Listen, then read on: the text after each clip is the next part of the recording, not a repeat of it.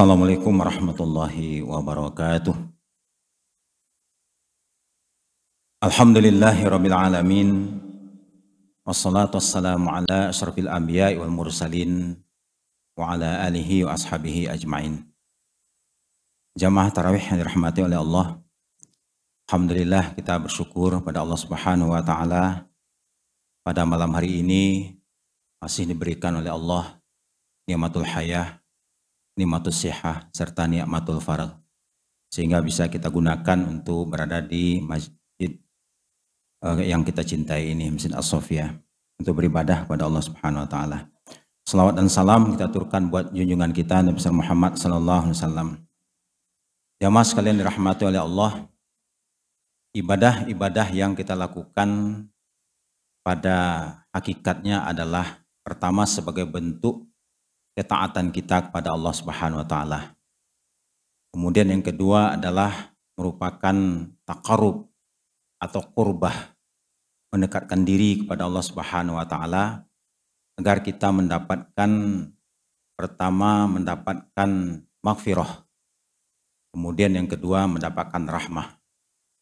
Maka ketika ada seseorang meninggal maka kita doakan pertama memohon kepada Allah Allahumma lahu warhamhu. Ya Allah, ampunilah dosa-dosanya dan limpahkanlah rahmat kepadanya. Dalam rangka kita takarub Allah subhanahu wa ta'ala ini, ada dua sifat yang harus kita tingkatkan, kita jadikan sebagai sesuatu yang melekat pada diri kita, yang pertama adalah rasa khauf. Khauf artinya adalah harus ada rasa takut, gentar, merasa ngeri terhadap azab Allah. Allah Subhanahu wa taala di dalam salah satu firman-Nya surah Al-Hijr ayat 49 50 menyatakan auzubillahi minasyaitonirrajim Nabi ibadi anni anal ghafurur rahim wa anna azabi huwal azabul alim. Sampaikanlah oleh engkau kepada hamba-hambaku bahwasanya aku ini Al-Ghafur Maha pengampun. Allah Subhanahu wa taala menyatakan dirinya sebagai Al-Ghafur dan Maha Penyayang, membuka pintu taubat ketika ada hamba-hambanya yang melakukan perbuatan-perbuatan yang melampaui batas, melakukan dosa dan kemaksiatan. Sebab salah satu kelemahan manusia adalah yaitu terkadang dikalahkan oleh hawa nafsunya. Karena hawa nafsu itu mendorong seseorang untuk melakukan perbuatan yang menyimpang. Inna nafsa la amaratum bisu. Dan sejarah membuktikan ketika hawa nafsu kekuasaan mendominasi seseorang, timbullah kesombongan, keangkuhan, bahkan kezaliman seperti yang dilakukan oleh Firaun. Itu juga ketika hawa nafsu harta benda yang mendominasi sehingga dia menjadi kaya raya, kekayaannya itu akan membuat dia angkuh dan sombong seperti yang terjadi pada Korun dan juga kepada Haman. Ini adalah contoh-contoh yang menggambarkan manusia-manusia yang dikuasai oleh hawa nafsu. Oleh karena itu, ibadah-ibadah yang kita lakukan terutama dalam bulan suci Ramadan ini dengan kita melaksanakan ibadah saum, bahkan kemudian kita laksanakan i'tikaf di masjid, sebetulnya adalah merangka untuk mengendalikan hawa nafsu. Sehingga hawa nafsu kita terkendali maka akan muncullah rasa dekat dengan Allah Subhanahu wa taala. Dan Allah mengatakan anal ghafurur rahim. Kemudian yang kedua, wa anna azabi wal azabul alim. Dan bahwasanya azabku adalah azab yang sangat pedih. Azab yang sangat dahsyat dan luar biasa yang mungkin tidak akan pernah ada di muka bumi ini sedahsyat itu azab yang akan diderita oleh orang-orang yang nanti berada di neraka jahanam. Mereka mengalami dibakar habis-habisan, kemudian dipukul, ditendang, bahkan disiram dengan air yang sangat panas namun tidak mati. Betapa menderitanya orang ketika berada dalam azab yang sangat luar biasa itu. Rasulullah Shallallahu Alaihi Wasallam begitu cintanya kepada umatnya sampai beliau itu mengingatkan terus kepada umatnya agar meminta kepada Allah. Bahkan dianjurkan tujuh kali kita meminta kepada Allah agar terhindar daripada azab. Allahumma ajirni minan nar, Allahumma ajirni minan nar, Allahumma ajirni minan nar. Karena memang kita tidak akan sanggup untuk menerima azab yang begitu dahsyat. Oleh karena itu menumbuhkan khauf kepada Allah SWT ini pertama rasa khauf jangan sampai melakukan kemaksiatan. Jadi orang-orang beriman ini diharapkan jangan sampai melakukan kemaksiatan karena kemaksiatan itu akan mendatangkan azab yang sangat luar biasa. Namun Allah Subhanahu wa taala dengan kasih sayangnya, dengan pengampun dan pemaafnya menyatakan walladzina idza fa'alu fahishatan aw zalamu anfusahum dzakarullah fastaghfaru lidzunubihim wa may yaghfiru dzunuba illallah wa lam yusiru ala ma fa'alu wa hum ya'lamun dan orang-orang yang melakukan perbuatan yang keji atau menzalimi diri mereka sendiri. Ini maksud dengan menzalimi diri itu adalah melakukan perbuatan-perbuatan yang akan merusak diri kita sendiri baik di dunia dan di akhirat nanti. Lalu kemudian sadar, ingat kepada Allah dan memohon ampun kepada Allah. Dan kemudian Allah mengatakan, "Wa may yaghfiru dzunuba illallah." Siapa lagi yang dapat mengampuni kecuali Allah? Walam yusiru ala ma fa'alu wahum ya'lamun. Tetapi mereka itu tidak lagi melakukan atau meneruskan perbuatan dosa yang mereka telah sadar dan insaf. Sebab di dalam hadis Nabi mengatakan irhamu turhamu. Limpahkanlah kasih sayang di muka bumi ini, kamu akan disayangi. Waqfiru yukfar lakum. Mintalah ampunan pada Allah, kamu akan diampuni. Wailun li aqma'il qaul. Kecelakaanlah, kesengsaraanlah. Wail itu sering diartikan neraka. Karena memang orang yang disebutkan adalah orang yang memang pantas mendapatkan azab. Wailun li aqma'il qaul.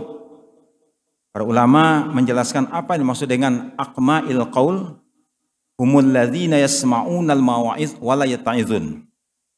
Wa yuzakkiruna fala yatazakkarun. Adalah orang-orang yang diberi nasihat tidak mau mengambil nasihat tersebut. Orang-orang yang diberi peringatan tidak mau menerima peringatan tersebut. Itu namanya adalah akma'ul qaul. Wailul lil musirin dan nerakawilah bagi musirin.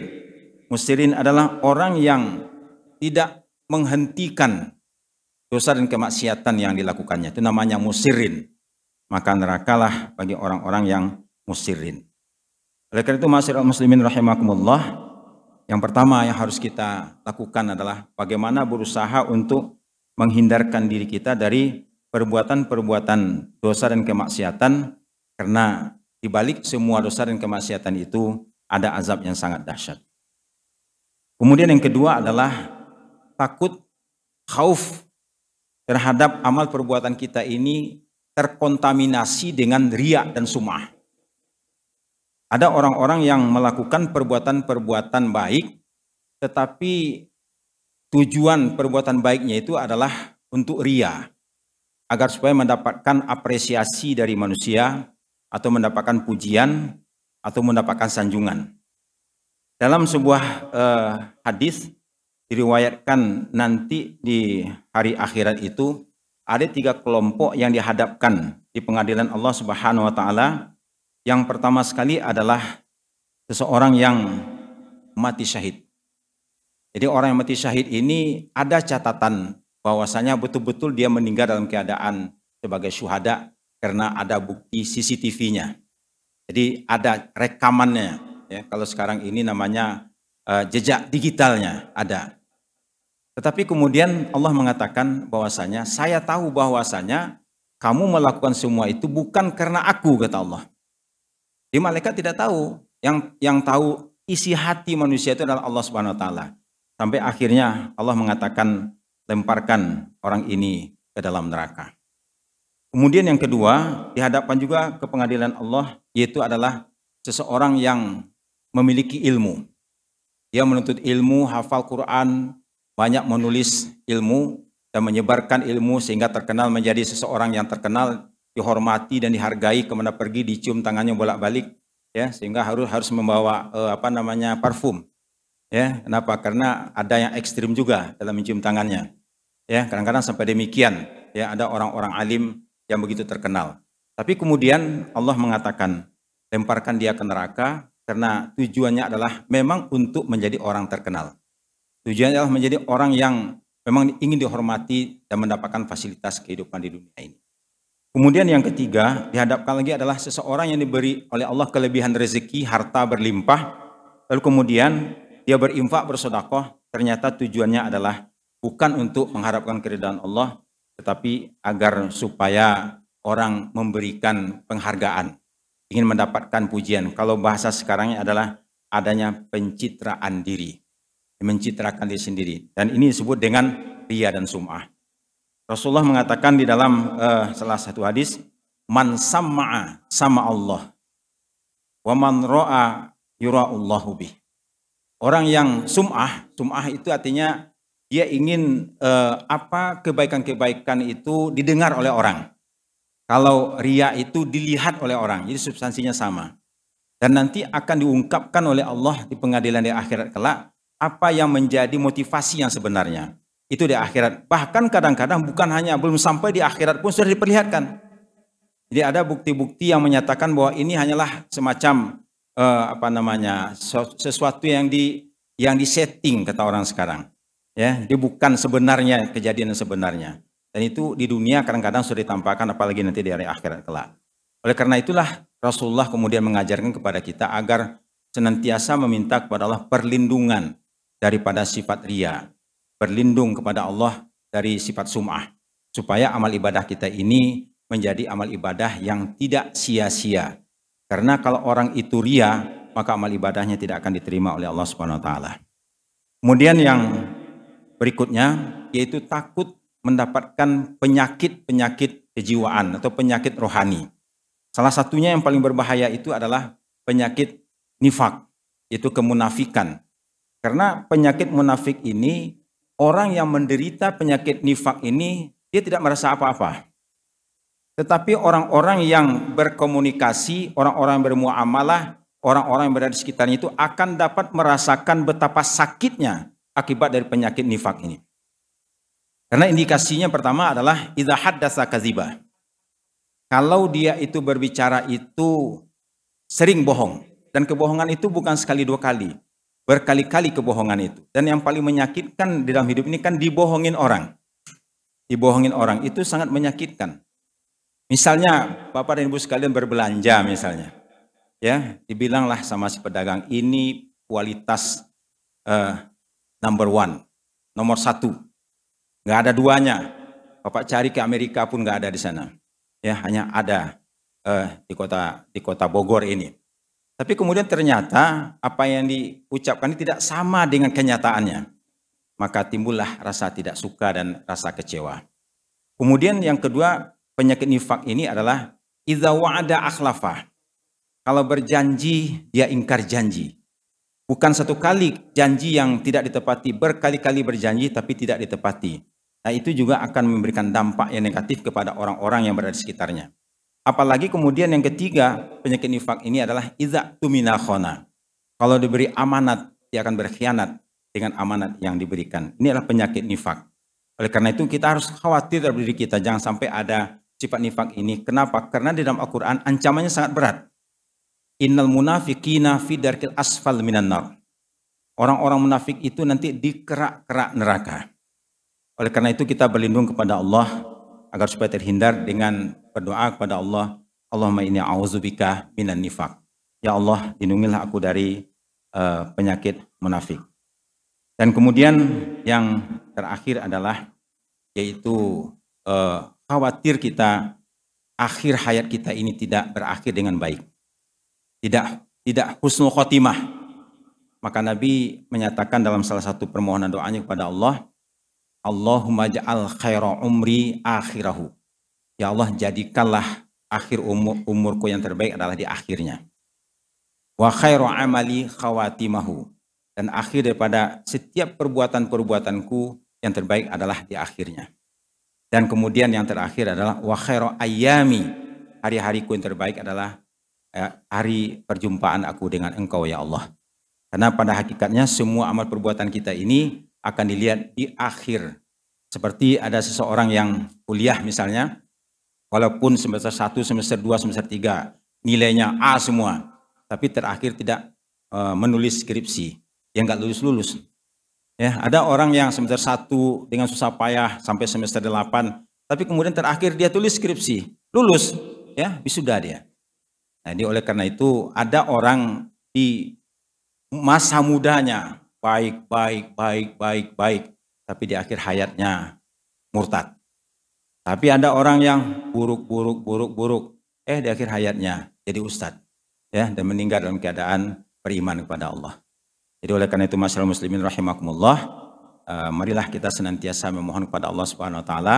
Rasulullah itu yang paling sering diucapkan yang membuat istrinya pun bertanya-tanya adalah kalimat ya muqallibal qulub sabit qalbi ala dinika wa ala ta'atika. Maka di 10 malam terakhir ini selipkanlah salah satu doa tersebut minta kepada Allah supaya dimantapkan, ditetapkan keimanan sampai hari perjumpaan dengan Allah Subhanahu wa taala. Demikian, Assalamualaikum warahmatullahi wabarakatuh.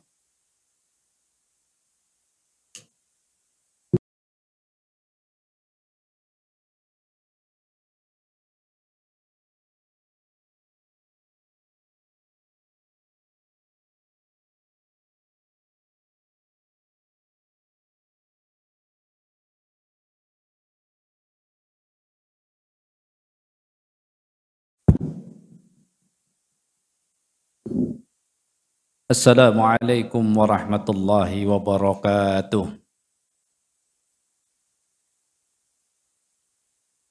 الحمد لله. الحمد لله الذي فرض علينا الصيام في الشهر رمضان. وأنزل فيه القرآن هدى للناس وبينات من الهدى والفرقان. أشهد أن لا إله إلا الله وحده لا شريك له. واشهد ان محمدا عبده ورسوله اليه سوقان اللهم فصل وسلم على محمد وعلى اله وصحبه ومن تبعهم باحسان الى يوم الفرقان اما بعد قال تعالى يا ايها الذين امنوا اتقوا الله حق تقاته ولا تموتن الا وانتم مسلمون Jemaah sekalian rahimakumullah Alhamdulillah kita berada di masjid yang secara corak dalamnya mengikuti Masjid Nabawi. Namun saya ingin bertanya kepada jamaah yang hadir, apakah 10 hari Ramadan juga mengikuti apa yang dijalankan di Masjid Nabawi khususnya oleh Nabi kita Muhammad wasallam. Coba angkat tangan yang etikaf 24 jam. Alhamdulillah ada berapa ya? Walaupun dua. Kenapa? Karena salah satu faktor yang membuat kita tidak maksimal di Ramadan, yang pertama adalah faktor ilmu. Ilmu ini makin ke sini kadang-kadang karena ilmunya tidak lengkap menjadi fitnah. Banyak yang tiba-tiba bersuara di akhir Ramadan dengan kata-kata iktikaf itu kan sunnah. Sedangkan silaturahim, mudik itu kan wajib. Jadi menang mana wajib sama sunnah.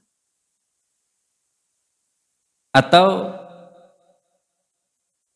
diam di masjid itu kan sunnah. Karena makna dari iktikaf itu kan al-maksu fil masjidi li ibadatillah. Berdiam diri di masjid untuk beribadah kepada Allah. Kemudian dakwah kan wajib.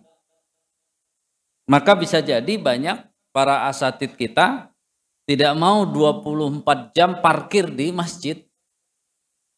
Kalaulah punya tekad keluar silahkan untuk mengajak orang beritikaf. Jadi saya keluar berani kalau mengajak orang untuk iktikaf. Malam ini saya mengajak untuk iktikaf, maka saya keluar dari masjid tidak masalah. Kenapa? Karena ketika kita bicara ilmu, pembandingnya tetap Rasulullah Sallallahu Alaihi Wasallam. Hadis riwayat Bukhari Muslim, dua-duanya mengatakan kalau yang dari Aisyah mengatakan kana ya'takifu al-asral awahir min Ramadan hatta tawaffahullah. Summa takafa azwajuhu min ba'di. Aisyah mengatakan sesungguhnya Rasulullah sallallahu wasallam selalu karena kenapa saya katakan selalu karena pakai ya'takifu fi'lul mudhari. Fi'lul mudhari itu salah satu maknanya al-adah, kebiasaan atau tabiiyah. Ya, dia sudah menjadi sesuatu yang harus dilakukan. Maka Rasulullah selalu beritikaf 10 hari terakhir di Ramadan sampai beliau wafat. Kemudian hadis tadi ditambah dengan summa takafa azwajuhu kemudian istri beliau setelah Rasulullah wafat juga beritikaf. Berarti sampai wafatnya para istri-istri tersebut. Ya maka sekalian rahimakumullah maka ketika kita membaca hadis riwayat Bukhari Muslim juga dari Aisyah juga karena Nabi idza dakhala akhir ya. Dakhala al-ashrul akhir sadda mi'zarah. Wa aqama lailah wa aiqadha ahlah.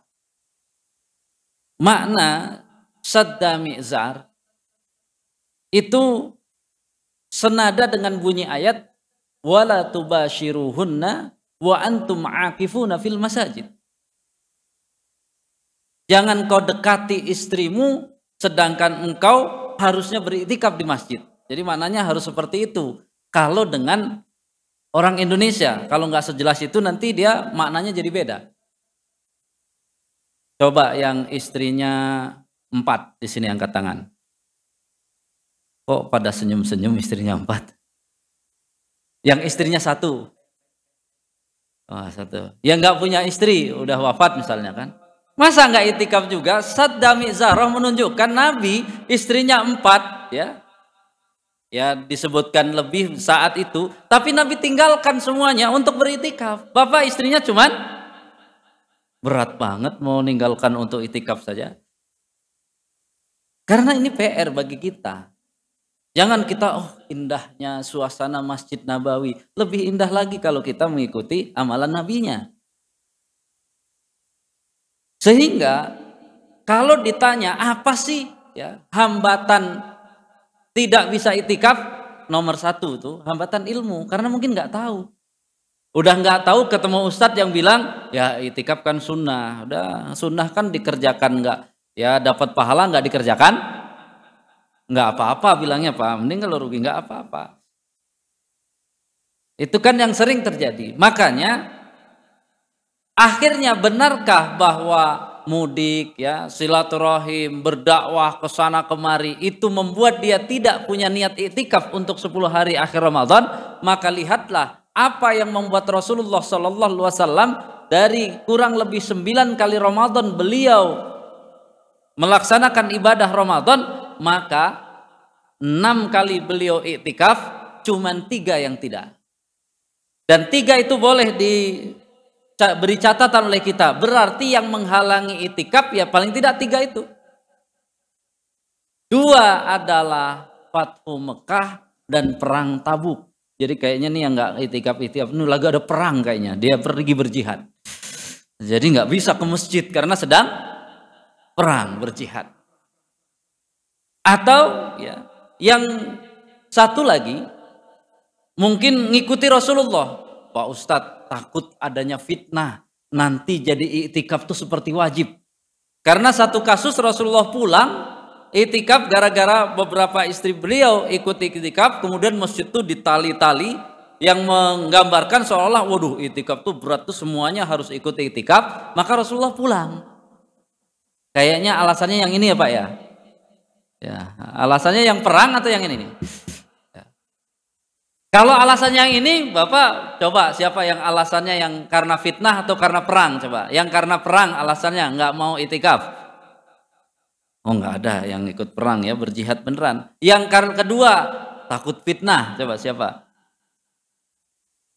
Nggak ada juga ya. Mungkin hambatannya yang kedua nanti ya.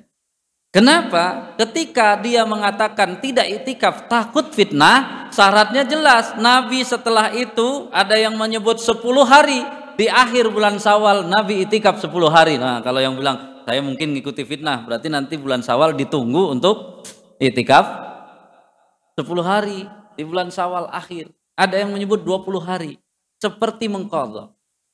Jadi begitu jelasnya bagaimana Rasulullah Shallallahu Alaihi Wasallam berjuang untuk melaksanakan iktikaf. Walaupun di hadisnya ahya lailahu menghidupkan malamnya, tapi bukan berarti Rasulullah siang-siang bebas saja tidak. Walaupun ahya lailahu ternyata Rasulullah 24 jam bahkan hadis riwayat Muslim dan beberapa riwayat menunjukkan pertama kali Rasulullah memberi contoh kita untuk mencari Lailatul Qadar itu kan dengan kalimat ini i'takaftu al asral awal al tamisu hadhil lailah aku kata Nabi telah beriktikaf 10 hari yang pertama ketika aku mencari Lailatul Qadar baru kemudian summa takaftu kemudian aku juga iktikaf fil asril ausad di 10 yang kedua Summa uti itu fakila. Kemudian diberikan kepadaku dan dikatakan bahwa Lailatul Qadar adanya di 10 yang terakhir. Lalu kemudian aku beritikaf di 10 yang terakhir, lalu kukatakan kepada manusia, mayyatakif siapa yang pingin itikaf fal ya'takif. Nanti hadis yang lainnya lebih jelas lagi. Ketika mencapai 10 hari yang pertama Rasulullah membereskan ya peralatan itikaf seperti mau pulang Lalu kemudian malaikat Jibril mengatakan bahwa Lailatul Qadar belum ada. Lalu Rasulullah berdiri ini di sini berdiri menyampaikan bahwa apa? Siapa yang mau pulang boleh pulang, siapa yang mau itikaf boleh itikaf. Kalau diumumkan di sini kira-kira pulang apa itikaf? Itulah bedanya kita sama sahabat Nabi. Karena dalam keterangan fa'takafan nasu ma'ahu. Semua sahabat Nabi nggak ada yang pulang, semua melanjutkan itikaf. Baru kemudian di 10 yang kedua, di malam berarti 20, hari ke-20 Nabi beres-beres, kemudian ya siap-siap pulang, kemudian malaikat Jibril menyampaikan lagi bahwa belum ada Lailatul Qadar di malam 10 yang kedua. Lalu Nabi menyampaikan lagi, udah dua kali tuh kesempatan kalau orang kita kan. Jadi silahkan yang mau pulang pulang, yang mau itikaf pulang atau itikaf. Eh, ini PR kita ini besar. Katanya beda tipis sama sahabat gitu. Atau beda tipis-tipis mungkin ya. Bukan tipis. Tapi jelas. Semua sahabat Nabi ikut, ikut itikaf. Berarti pengawal itikaf Rasulullah itu total 30 hari. Untuk mengejar Lailatul Qadar. Sehingga kalau saya yang dan rekan-rekan yang sudah memperjuangkan itikaf kalau ditanya Ustadz gimana caranya dapat Lailatul Qadar tapi tidak pakai itikaf. Ya kami bingung ditanyanya. Orang itikaf itu jangan dibilang cara yang paling hebat. Itu cara yang menurut kami paling mudah. Karena apa? Karena untuk mencari satu malam kami tunggu sepuluh malam itu. Tidak pulang-pulang untuk menunggu Lailatul Qadar. Berarti yang tidak beritikaf itulah yang saya harus berguru kepadanya karena dia ilmunya lebih hebat kayaknya sudah ada kontrak langsung dengan malaikat Jibril kapan Lailatul Qadar dia datang. Jadi berarti lebih hebat gitu ya. Jadi jangan kita kita yang bersemangat itikaf dibilang lebih hebat, malah yang lebih hebat tuh tadi coba tadi di sana di sini tahu-tahu masuk katanya dapat Lailatul Qadar. Uh luar biasa. Kayaknya dia sudah kontrak dengan malaikat Jibril sehingga tahu kapan Lailatul Qadar. Jadi kalau mau serius berjuang untuk mencapai atau mendapatkan Lailatul Qadar, yang paling mudah adalah beritikaf 10 hari. Cuman apakah kalau nanti sudah ada niat itikaf di sini siap ya bawa tas kemudian niat 10 hari di sini. Pak Ustadz saya kan masih kerja. Ya udah kerja berangkat dari sini apa susahnya? Ya, berangkat kerja dari sini pulang kerja ke sini lagi. Kamar mandi banyak itu banyak. Ya syaratnya kan cuma itu saja. Mau atau tidak orang kita itu kan sering mau tapi kalau bisa berbeda dikit tapi dapat gimana caranya kan kacau jadi mau masuk surga tapi kalau bisa ya dikit-dikit belok lah dari jalan surga, tapi pengennya nyampe juga surga. Itu kelakuan orang kita banyaknya begitu. Jadi katanya pengen masuk surga. Padahal kan kalau kita bicara jalan, jalan surga dan jalan neraka itu kira-kira beriringan atau bertolak belakang? Bertolak belakang kan? Kok bisa dia pikir saya belok ke sini dulu nanti insya Allah bisa belok ke sana kan susah. Ibaratnya dia mau ke Sukabumi atau mau ke Jakarta, kan kalau ke kiri ke sana ke Jakarta, ke sana ke Sukabumi. Masa dia tiba-tiba kapan kamu tobat mau apa mau ke surga ntar aja lah nunggu tua dia udah ke sana Udah sampai pantai Ancol, dia selfie. Ini pantai Sukabumi, kan ngaco. Banyak sekarang orang udah jalannya menuju neraka, dia bilang kalau Allah berkehendak nanti masuk surga, saya juga masuk surga. Itu sama dengan selfie di apa pantai sana. Ya, Ancol bilangnya di Suka, Sukabumi. Kan kalau arah Sukabumi yang ke sana, kenapa? Sana memang ada pantai, sana juga ada pantai. Setan tuh kan begitu cara untuk menggoda kita. Jalan kita jalan ke neraka bilangnya ntar juga bisa masuk surga. Ke mana lagi udah terlalu jauh ke sana mau belok juga susah. Belum macet. Ini yang terjadi. Sehingga orientasi kita itu selalu antara tujuan tawaran Allah dengan usaha itu selalu berbeda. Berapa banyak nih sebanyak jamaah ini mau mau dapat Lailatul Qadar tapi kalau bisa tidak pakai Itikaf kan bingung juga. Jadi ustadz bingung juga. Kita gimana ngajarinya ya? Jadi sangat cerdas. Contoh gini. Kan baca Quran itu harus bersuara atau pelan-pelan? Bersuara atau tidak bersuara lah. Bersuara. Kalau dia belum bisa baca, bersuara atau tidak bersuara? Tuh kan berubah hukumnya. Namanya hukumnya tetap saja harus ber, bersuara. Karena apa?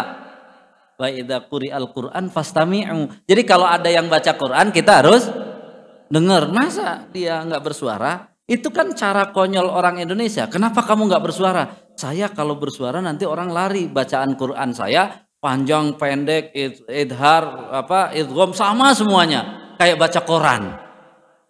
Solusinya kenapa suaranya yang direndahkan? Harusnya kan dia kenceng-kenceng solusinya karena kamu takut malu belajar. Solusinya belajar, bukan malah dirubah cara baca Qur'annya. Baca Qur'an harusnya keras-keras, dia baca pelan-pelan hanya gara-gara tidak bisa. Itu kan solusi konyol.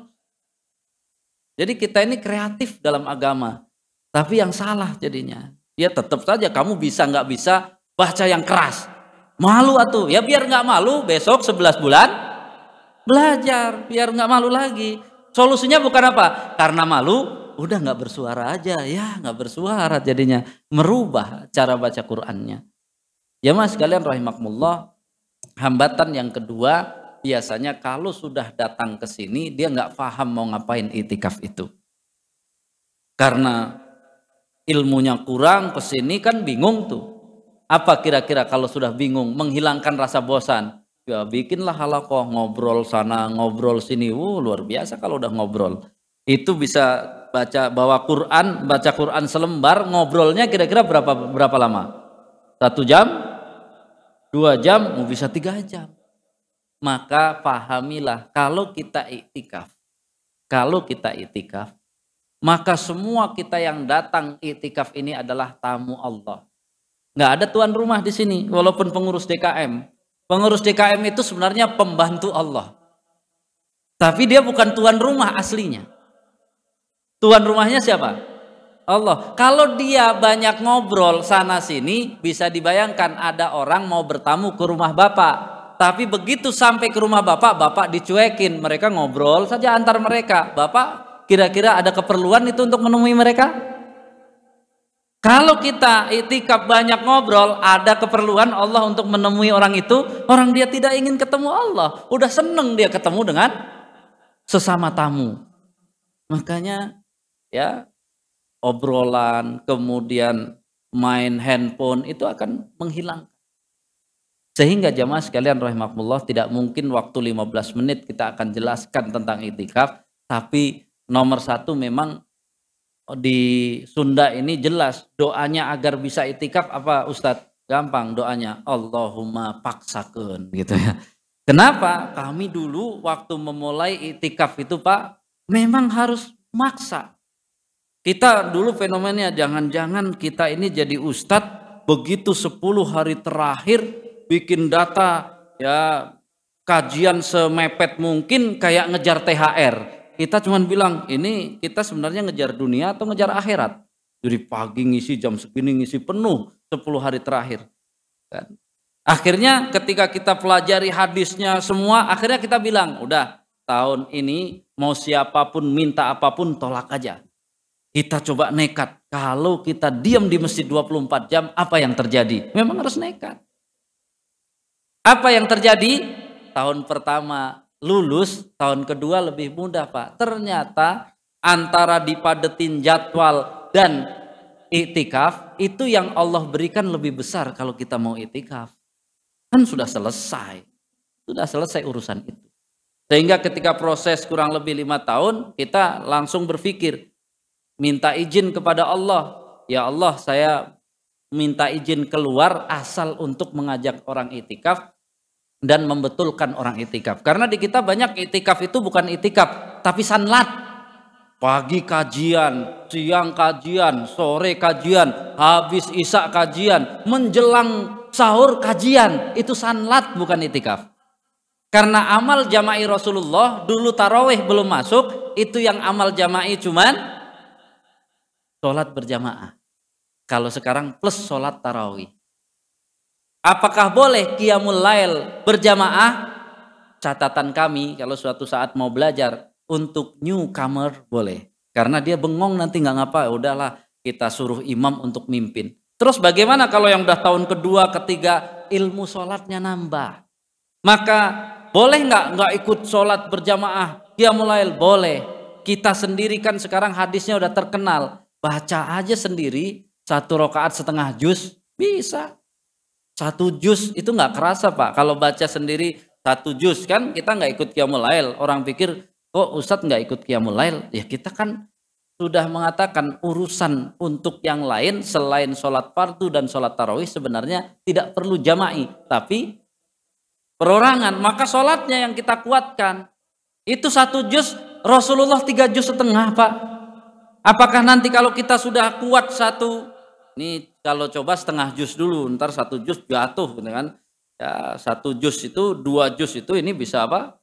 Luar biasa. Itu kalau kita bisa mencapai tiga jus setengah, jangan mimpi kita sudah mencoba seperti Nabi coba. Hadis yang ada di Riyadus Solihin menyatakan bacaan Nabi tiga jus setengah satu rakaat itu Ketika ketemu tasbih, beliau bertasbih. Ketika ketemu memuji Allah, beliau memuji dulu. Ketika ketemu suruh mohon ampun, beliau mohon ampun. Ketika ayatnya berisi tentang doa, beliau berdoa. Berarti lebih lama lagi. Mudah-mudahan ada yang tergerak untuk mencoba. Karena jangan sampai nih bapak-bapak tahun ini nggak mau mencoba. Ya terus akhirnya karena ilmunya sudah dapat, nyesel saya ke Asofia jadi tahu harus itikaf nggak itikaf gitu kan. Jadi kan nggak gitu. Nah karena udah tahu kan harus dipraktekkan nih. Karena nggak praktekkan tiba-tiba nilainya gagal. Jangan nanti di akhir Ramadan ya Allah berikan saya Ramadan tahun depan. Jangan-jangan malaikat bilang kamu periode kemarin gagal masa mau nambah satu periode lagi? Mudah-mudahan bisa difahami dan yang paling penting saya mengajak silahkan kita ya berjuang untuk bisa itikaf. Harus dipaksakan dulu apa yang terjadi itu kita mengharap pada Allah Subhanahu wa taala. Kurang lebihnya mohon maaf ala peminkum. Assalamualaikum warahmatullahi wabarakatuh.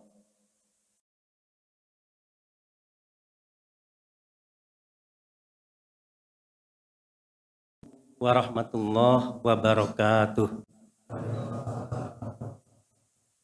Bismillah, Alhamdulillah, wassalatu wassalamu ala rasulillah, Sayyidina Muhammadin ibni Abdillah, Allahumma salli wa sallim alaih, wa ala alihi wa sahbihi, wa man la nabiyya ba'dah, amma ba'du.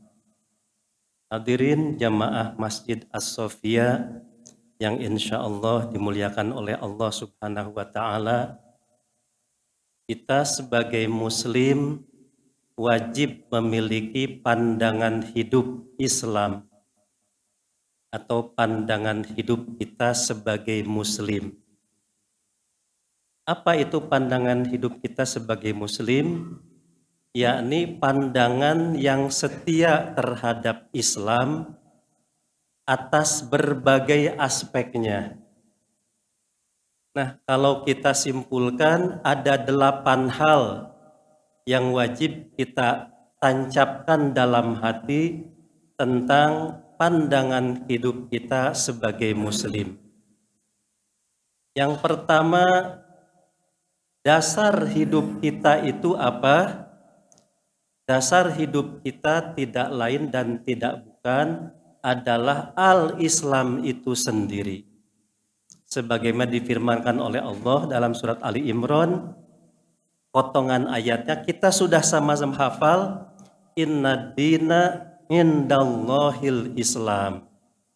Sesungguhnya dasar hidup pedoman hidup tatanan hidup yang diterima oleh Allah adalah al-Islam. Di ayat yang lain pada surat yang sama Allah juga berfirman wa may yabtaghi ghairal islami dina fala yuqbala minhu wa huwa fil akhirati minal khasirin barang siapa yang mencari din mencari agama mencari tatanan hidup mencari dasar hidup di luar Islam maka statusnya dia akan tertolak dan di akhirat nanti masuk kategori orang-orang yang rugi. Ini yang pertama pandangan kita sebagai muslim yakni dasarnya adalah al-Islam untuk Islam oleh Islam dan kembali kepada Islam.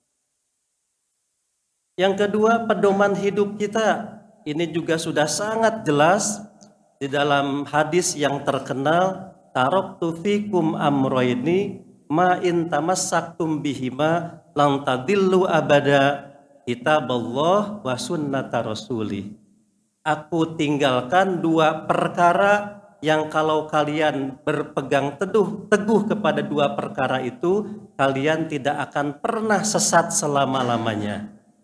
Dua perkara itu adalah kitab Allah, Al-Qur'an dan sunnah Rasul. Nah, jadi pedoman hidup kita itu ada dua ya, yakni Quran dan sunnah. Nah, di luar itu ijtihad dan lain sebagainya dan itu pernah itu pun dasarnya dari Al-Qur'an dan sunnah Nabi. Yang ketiga, tujuan hidup. Tujuan hidup kita sebagai muslim tidak lain dan tidak bukan kita lihat dalam surat Al-Baqarah ayat 207. A'udzubillahi minasyaitonirrajim wa minan nasi may yashri nafsahu btigha'a mardatillah wallahu raufum bil ibad dan di antara manusia ada yang menjual dirinya kepada Allah untuk mendapatkan keridoannya atau mardotillah. Jadi tujuan hidup kita tidak lain dan tidak bukan ingin mencari Allah ridho enggak terhadap kita. Ingin mencari atau mencapai ridho Allah. Ridho Allah itu bisa dicapai kalau perbuatan kita, ucapan kita, sikap hidup kita, pola pikir kita, niat kita disesuaikan dengan pedoman yang Allah telah turunkan dan pedoman yang Rasul telah tentukan yakni yang tadi kita sebut Al-Quran dan Sunnah kalau sudah cocok amal kita, perbuatan kita, sikap hidup, pola pikir kita, ucapan kita, bahkan mungkin jempol kita sekarang di mana kita sering memainkan jempol di uh, media sosial, maka kalau sudah sesuai dengan ajaran Allah dan Rasulnya, pasti dan bukan mungkin lagi, pasti Allah ridho terhadap kita. Berikutnya tugas hidup kita. Apa itu tugas hidup kita? Tugas hidup kita tidak lain tidak bukan adalah mengabdi kepada Allah, menghambakan diri kepada Allah. atau beribadah mentaati perintah Allah dan menjauhi larangannya. Ini yang disebut takwa itu. Oleh karena itu khotib tidak sah khotib Jumat kalau di dalam khutbahnya tidak mewasiatkan takwa. Karena takwa itu adalah inti keberislaman kita, keberimanan kita. Kita puasa agar supaya menjadi orang bertakwa, kita berinfak, berzakat, ber, ber, melakukan sholat juga dalam rangka menjadi orang-orang yang bertakwa sebagaimana dalam surat Al-Baqarah 177. Di dalam surat uh, Az-Zariyat juga Allah sudah sangat jelas mengatakan bahwa aku ciptakan manusia dan jin, bahkan jin yang disebut dulu. Aku ciptakan dan jin itu tujuannya untuk mengabdi, beribadah, menghambakan diri kepadaku Wa ma khalaqtul jinna wal insa illa Itu tugas hidup kita, yakni ibadah. Jadi ibadah itu intinya pertama niat karena Allah, amal yang kita lakukan sesuai dengan perintah dan ajaran Allah dan Rasulnya, dan yang ketiga tujuannya tidak lain dan tidak bukan adalah mencari ridho Allah. Nah tiga itulah patokan ibadah. Nah oleh karena itu ibadah itu sangat luas sifatnya ibu-ibu menyiapkan sahur atau buka puasa itu ibadah yang bernilai di hadapan Allah luar biasa. Karena niatnya untuk e, berbuka seluruh keluarga. Suami berangkat ke kantor berangkat ke ladang berangkat mencari uh, penghidupan atau nafkah itu juga ibadah yang tidak kalah pahalanya dengan sholat ya atau saum. Sehingga dalam salah, salah satu hadis ada yang uh, disabdakan oleh Rasul, barang siapa yang ter, tertidur karena lelah mencari nafkah, maka Allah akan menghapuskan dosa-dosa orang tersebut. Jadi kalau kita berdagang misalnya dari pagi sampai sore menunggu pembeli sampai terkantuk-kantuk atau sampai tertidur sehingga pedagang pembeli yang lewat pun melihat kita betul-betul lelah itu Allah menurut hadis tersebut menghapuskan dosa karena kita lelah mencari nafkah yang halal. Nah itu yang namanya ibadah itu. Jadi sangat luas sekali sifatnya dari mulai bangun tidur, aktivitas kita sampai mau tidur kembali asal diniatkan karena Allah, dilakukan dengan sesuai ajaran Allah dan ditujukan untuk mencari ridha Allah, itulah yang namanya ibadah. Yang berikutnya apa itu uh, fungsi hidup ya fungsi hidup kita adalah sebagai khalifatullah fil ar.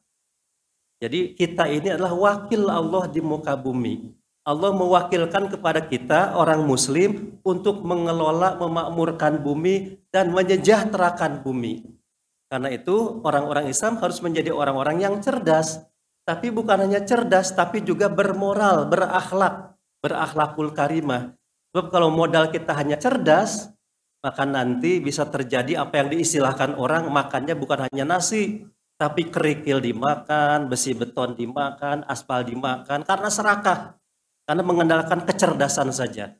Oleh karena itu, kecerdasan harus ditunjang oleh akhlak atau moral supaya kita menikmati kehidupan ini juga didasarkan kepada akhlakul karimah.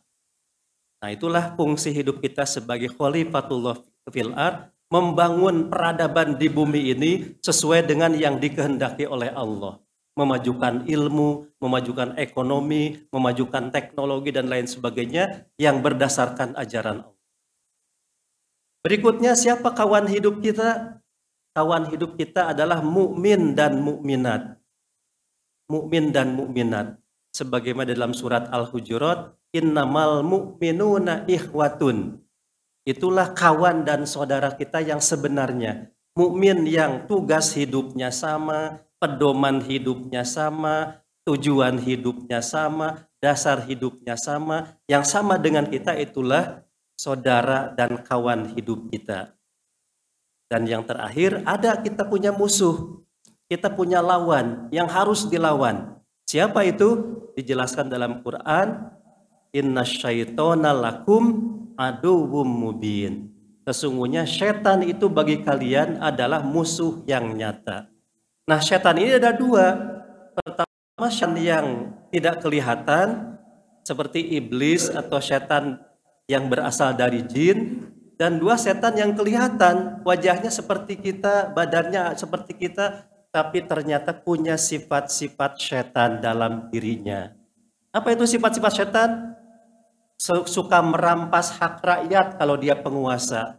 Walaupun dia mungkin penguasa berwajah seperti kita, sebenarnya dia adalah setan yang berubah menjadi manusia. Ya. Atau manusia yang berubah menjadi setan karena berbuat dolim. Ya. Atau zulm, orangnya disebut dolim. Demikian juga orang yang disebut memiliki sifat setan itu yang suka menentang kebenaran selalu mengingkari kebenaran jelas ayatnya, jelas hadisnya, jelas kaul ulamanya, maka dia katakan saya benci dengan syariat Islam saja. Saya muslim tapi tidak suka dengan syariat Islam. Itu kan sama dengan kufur namanya. Kufur itu yang menentang, orangnya disebut kafir.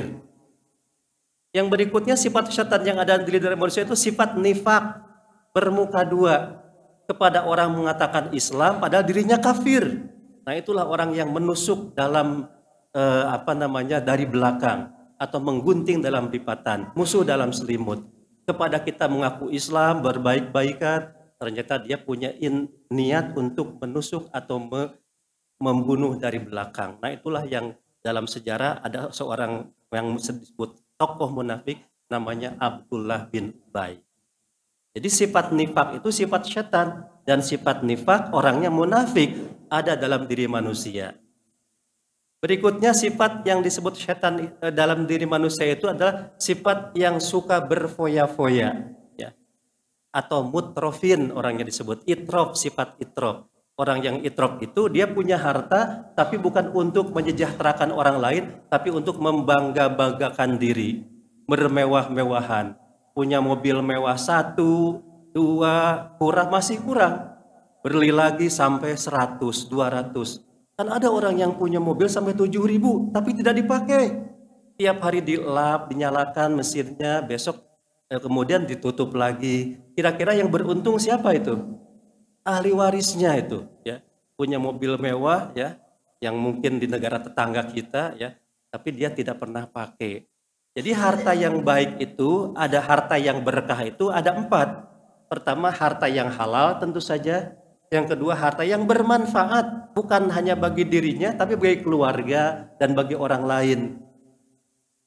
Mungkin para hadirin pernah mendengar ada informasi yang cukup menarik di sebuah tempat entah di Kalimantan entah di mana itu ada masjid di tengah-tengah kaum non muslim ya di tengah-tengah minoritas karena hanya beberapa orang saja di masjid itu kaum musliminnya. Kalau akan kalau sesudah azan mencari-cari jamaah itu. Karena jamaahnya terbatas paling 10 orang. Lama-lama pengurus masjidnya meminjam mobil kepada jamaah yang hadir itu untuk menjemput kaum muslimin yang jauh.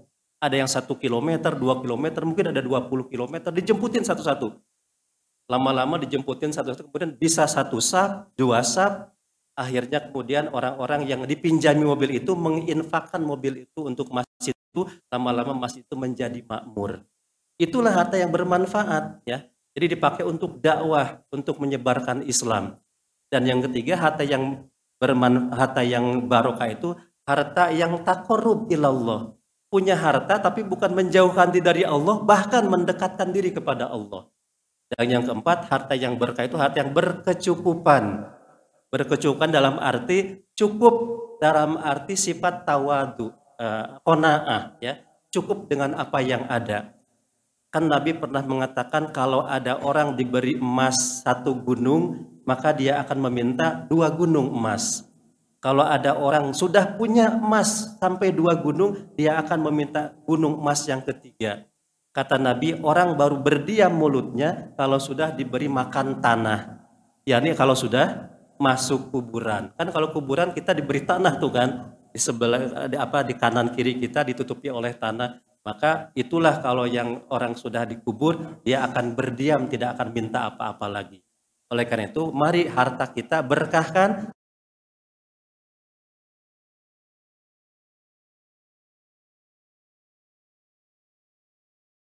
Dengan pribadi. Mudah-mudahan bermanfaat kuliah pada malam hari ini. Wassalamualaikum warahmatullahi wabarakatuh.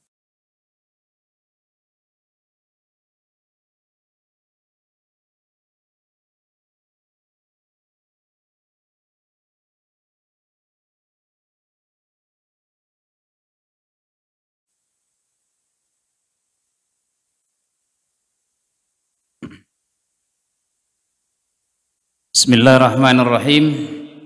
Assalamualaikum warahmatullahi wabarakatuh. Innal hamdalillah salatu wassalamu ala Rasulillah la haula wala quwata illa billah. Allahumma salli ala sayyidina Muhammad. Allahumma salli wa sallim wa barik. Amma ba'du. Yang terhormat guru kita Ustaz Dr. Kiai Haji Ahmad Alim. Hadirin Bapak Ibu sekalian, jamaah Masjid As-Sofia yang dimuliakan Allah Subhanahu wa taala. Kita hari ini masuk malam ke berapa ini, Pak? 24.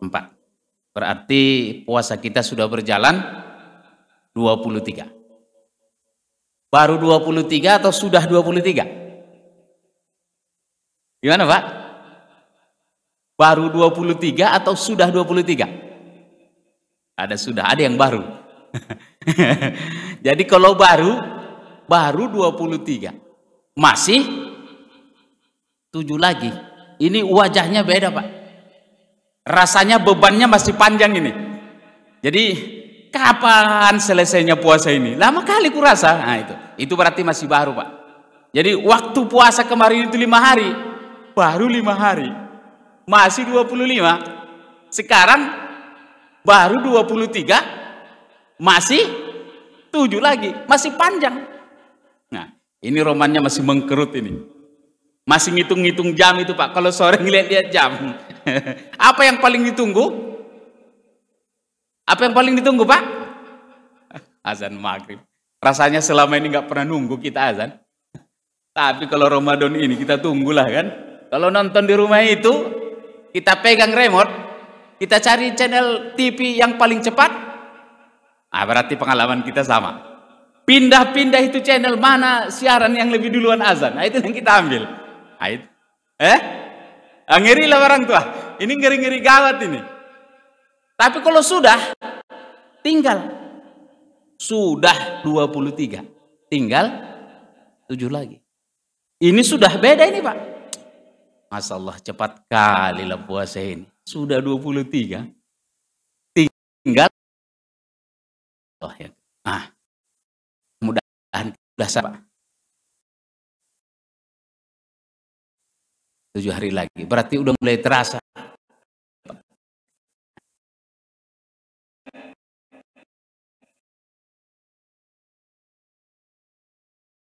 Berkaitan juga dengan 30 hari Ramadan yang pertama itu tingkatan orang yang terpaksa. Anggaplah ini 10 hari Ramadan. 10 hari Ramadan itu masih terpaksa kita itu Pak. Kalau bukan karena kewajiban, kira-kira puasa enggak? Nah, ini aja pertanyaannya kan Pak. Ayatnya udah dibaca sama kiai itu selalu di sini. Ya ayyuhalladzina amanu kutiba alaikumus siam. Kalau tidak kutiba, tidak diwajibkan. Puasa enggak? Tidak. Enggak. Makanya 10 hari pertama itu biasanya sahurnya dua piring itu. Berbukanya berbaris di meja itu. Sudah imsak, imsak, masih tiga gelas lagi. Jangan, biar kuat besok puasanya. Nah, ini namanya terpaksa. Jadi selama 10 hari Ramadan pertama itu anggaplah kita terpaksa. Kerjaan kita, di sinilah berlaku dalil tidur itu Pak. Yang menggunakan dalil-dalil tidur, bahwa tidur di bulan puasa adalah Ah, itu cari dalilnya itu kan. Sebenarnya nggak usah pakai dalil pun. Ya, tidur tidur aja ibadah. Tapi kalau pakai dalil, kebanyakan tidurnya habis subuh tidur. Kenapa? Pahala. Habis duha tidur juga. Kok tidur kau? Pahala di bulan Ramadan. Habis zuhur tidur pula lagi. Enak, pahala. Banyakan tidurnya dari ngajinya kita. Alamak, ngeri kali lagi ini. Tapi udah 10, udah lewat itu. 10 kan sudah lewat, Pak. Nah, naik yang kedua, terbiasa. Kalau yang terbiasa ini sudah 10 yang kedua, kan sudah 10 hari terpaksanya udah lah itu kan. Udah mulai biasa kita, udah mulai tenang ya Bang. Mulai tenang kita, perut kita pun menyesuaikan sudah. 10 hari sudah. Nah 10 hari kedua itu udah terbiasa kita. Jadi nggak pala pusing-pusing kali lagi. Jam agak lama ditengoknya. Baca Qurannya udah mulai ini. Nah gitu kan, udah mulai sedap, karena udah biasa. Bangunnya pun sudah biasa, jam 3 tengah 4 udah bangun. Kalau waktu 10 pertama itu Pak, bel dua kali bunyi masih dimatikan. Ah berisik kali, kau matikan dulu. Mematikan boleh kan. Tapi kalau udah 10 ke 2 kemarin itu, tetet tetet langsung bangun. Udah biasa. Sampai ke 20 kita sudah terbi. Ternya itu harus kencangin Pak. Ter dalam penelitian pembiasaan itu bisa dilakukan selama 20 sampai 25 hari. Ini 20 hari pun cukup ini sebenarnya. Jadi kalau sudah 20 hari kita melakukan sesuatu berturut-turut, pasti terbiasa. Bangun 20 hari Pak, jam 3 20 hari, bangunnya berturut-turut, jadi terbiasa. Kalau sudah terbiasa, jadi kebiasaan. Ini Pak. Dan puasa ini sebenarnya mengajar kita tentang pembiasaan Pak. Supaya terbiasa bangunnya tengah empat.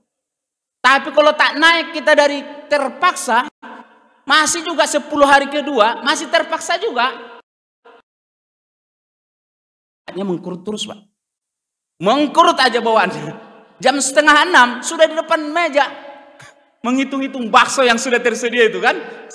Bakwan, bakso, mie goreng, mie sos, segala macam dari situ. Padahal udah 20 hari. Mestinya 20 hari berikutnya kita sudah terbiasa. Perut pun sudah ada meset. Wajahnya itu udah tersenyum. 10 hari pertama nggak senyum-senyum. Macam anak kita lah kan. Kalau tak kita iming-iming anak kita dulu pak. Kalau kau puasanya tamat 30 hari, sepeda aman. Udah mau pingsan dia pak, tak mau buka. Udahlah nak buka lah kau. Enggak, sepeda hilang nanti. Bahkan dia los, nggak bisa sempat sahur, kesiangan. Suruh buka, tak mau dia. Kenapa? Sepeda. Ah, lemak ngeri kali ah. Jadi kalau sudah terbiasa dulu lebih enak. Orang-orang yang berpuasa Senin Kemis atau puasa Nabi Daud sebelum Ramadan datang, Ramadan datang biasa saja. Nggak paling ngeri-ngeri kali, udah biasa puasa. Yang gawat ini kan nggak pernah puasa, Pak. Sebulan lagi Ramadan, astagfirullah bahaya ini. sebulan orang bulan Rajab udah berdoa, Allahumma barik lana fi Rajab wa Sa'ban wa balighna Ramadan. Kalau dia sampai di Sa'ban aja, Allahumma barik lana ya Allah fi Rajab wa Sa'ban. Ramadan mikir-mikir laku dulu katanya. Ngeri kali ini kan. Tapi kalau udah sampai sudah daripada berdosa masuk neraka. Nah yang ketiga ini Pak, mudah-mudahan ini kita masuk kepada kalau pertama tadi apa? Terpaksa 10 hari kedua terbiasa. 10 yang ketiga yang sekarang ini. Ini namanya terasa. Di buku yang lain nggak ada nih Pak, yang ada di buku saya karena saya yang nulis. di Gramedia bukunya udah habis. Tapi yang saya bawa tadi buletin itu ada tuh. Hidangan istimewa. Nanti dibaca lah Pak. Hidangan istimewa di Ramadan. Terasa. T-nya itu harus jelas Pak. Ternya itu jelas. Kita mainkan lidah Batak dulu kan. Terasa. Jadi Pak kalau kemarin di 10 hari pertama baca Quran kita tidak tancap. Yang 10 hari keduanya mulai agak pelan-pelan. Nah kalau 10 hari terakhir ini mulai terasa. Sudahkah kita merasakan baca Quran berlinang air mata? Kalau sudah ada yang merasakan ini, wah inilah karunia nikmat yang paling tinggi Pak. Membaca Quran dengan sentuhan iman, meskipun tak paham. Aku tak paham macam mana aku mau nangis Ustaz. Tanyalah sama Kiai. Almarhum emak dulu Pak di Sumatera sana itu masih ingat saya masih kecil. Baca Quran dia. Bismillahirrahmanirrahim. Ar-Rahman Allamal Quran, khalaqal insan. Kalau ngaji disambung, jangan cuma lagu dangdut aja disambungin. Menangis emak. Kenapa emak nangis? Entahlah. Sadu kurasa. Paham emak rupanya? Tak paham. Kita bisa nangis. Karena sentuh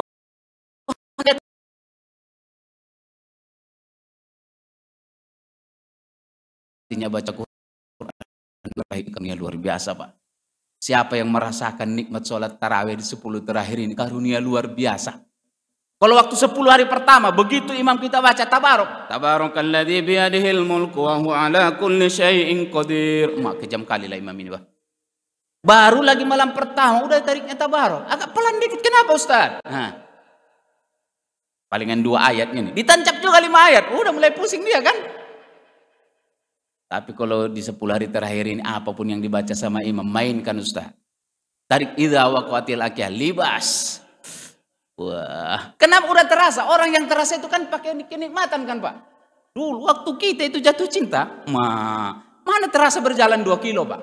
Ada yang jalan sekilo, kita cari yang dua kilo kan Pak? Karena hati sedang berbunga-bunga. Ini masalah rindu, masalah cinta ini.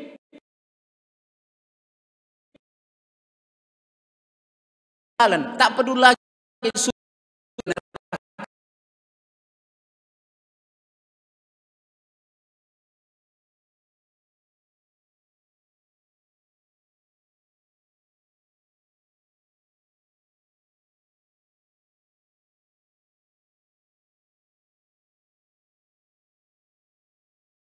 bahmu karena cinta. Jangan pernah kau tutup pintu rumahmu ketika aku datang menghampirimu. Ini masalah cinta, Pak. Tak mengharap lagi kan kalau udah cinta itu, Pak. Di sinilah Pak berdoa kita. Mudah-mudahan 10 hari terakhir ini hati kita makin rindu dengan Allah. 20 hari kita, kita apalagi ini Lailatul Qadar akan di hadapan kita. Jangan sampai kalau malam genap tak izikir kita. Malam apa ini? Sekarang malam genap ganjil, Pak. Malam genap ini? Eh, ini 23 berarti malam 24 sekarang ya? Ah, genap. Ah, Lailatul Qadar enggak ada. Ayo pulang kita. Besok baru kita mainkan lagi full. Kenapa? Lailatul Qadar mau turun. Emangnya itu sembako BLT mau turun? Lailatul Qadar itu bukan fisik kan, Pak? Dia tahu itu. Kalau Profesor Kuresia menyebutkan dia itu tamu yang agung. Yang dia sudah tahu siapa yang mau dihampirinya. Masa mau kita intip-intipan sama dia? Genap, tak ada dia turun. Kalau ganjil, ah akan turun dia. Kalaupun dia turun di ganjil, tak kena kita. Orang pula. Hati ya. Masa Allah, mudah-mudahan lah Pak. Sepuluh hari terakhir ini kita berbanyak istighfar. Saya tak berani mengajari karena di sini orang-orang alim semua. Tapi kita niatkan kembali beribadah kita yang tulus karena cinta kita kepada Allah. Termasuk juga bukan karena kita berzikir di sini tikap karena mengharap karena mencari Lailatul Qadar. Tidak semata itu. Jangan sampai kita beribadah karena Lailatul Qadar. Tak dapat kita nanti kecewa kita kan?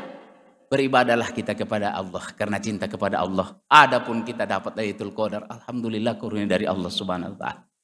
Dan yang merasa jangan juga sebut-sebutkan. Kalau aku rasa-rasa Ustaz, udah dapat aku tadi malam. Kenapa? Damai kali kurasa hidup ini. Rupanya habis dapat THR dia. Allah, ini ulah-ulah yang begini ini kan. Jangan begitu. Kalaupun kita dapat, udahlah ini kan pengalaman spiritual Pak. Tak perlu kita cerita-ceritakan. Tapi yang pasti, kalau Profesor Kurek siap menyebutkan, orang yang mendapatkannya, dia hatinya akan selalu condong melakukan kebaikan dan ketaatan. Setelah Ramadan dia tetap ke masjid. Setelah Ramadan dia tetap sedekah. Setelah Ramadan dia tetap tahajud. Setelah Ramadan tetap baca Quran. Jangan setelah Ramadan Quran taruh di lemari. Wassalam sampai ketemu tahun depan. Macam itu pula kita kerjaannya. Terus minta Lailatul Qadar yang setara dengan khairum min alfi syahrin. Ah kata Lailatul Qadar tak cocok kau. Wadah kau tak cukup menerima aku. Kira-kira gitu. Allahumma innaka afun karim. Tuhibul afa fa'fu anna. Dan inilah doa yang selalu diajarkan Rasulullah kita di akhir-akhir Ramadan ini. Allahumma innaka afun tuhibbun afa fa'fu anni. Ya Allah, sungguh engkau maha pemaaf dan senang kepada orang yang memaafkan. Maafkan kami ya Allah. Dan kita selalu, saya dulu diingatkan oleh almarhum Bang Arifin Ilham. Kalau kau sedang sholat berzikir, selalu jangan lupa zikirkan yang ini. Ilahi anta maksudi, waridaka matlubi. A'tini mahabbataka wa ma'rifatak. Ilahi ya Tuhanku, ilahi anta maksudi, engkaulah tujuan hidupku. Waridaka matlubi, hanya ridomu ya Allah yang mencari. A'tini mahabbataka wa ma'rifatak. Karuniakan aku ya Allah rasa cinta kepadamu. Agar aku betul-betul beribadah karena cinta kepadamu dan segala supaya aku juga mengenal marifatullah. Semoga tausiah yang singkat ini menyemangi kita supaya berubah, berubahlah, berubah menaik, menaik, menaik dan mudah-mudahan Allah berikan kita karunia merasakan nikmatnya beribadah dan pada di ujung nanti kita makin rindu karena Ramadan akan pergi seraya kita berdoa ya Allah pertemukan aku kembali dengan Ramadan tahun depan. Amin ya Allah ya rabbal alamin. Alafu minkum wallahul muwafiq ila aqwamit thoriq. Assalamualaikum warahmatullahi wabarakatuh.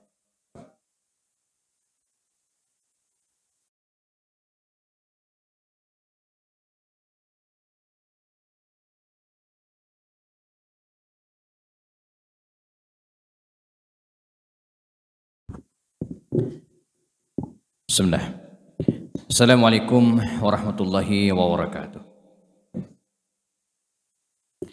الحمد لله وكفى أشهد أن لا إله إلا الله أشهد أن محمدا عبده ورسوله المصطفى وعلى آله وأصحابه ومواله رب اشرح لي صدري ويسر لي أمري واحلل عقدة من لساني يفقه قولي Hadirin dan hadirat para jamaah, para bapak, ibu-ibu serta jamaah Masjid uh, As-Safiyah rahimakumullah.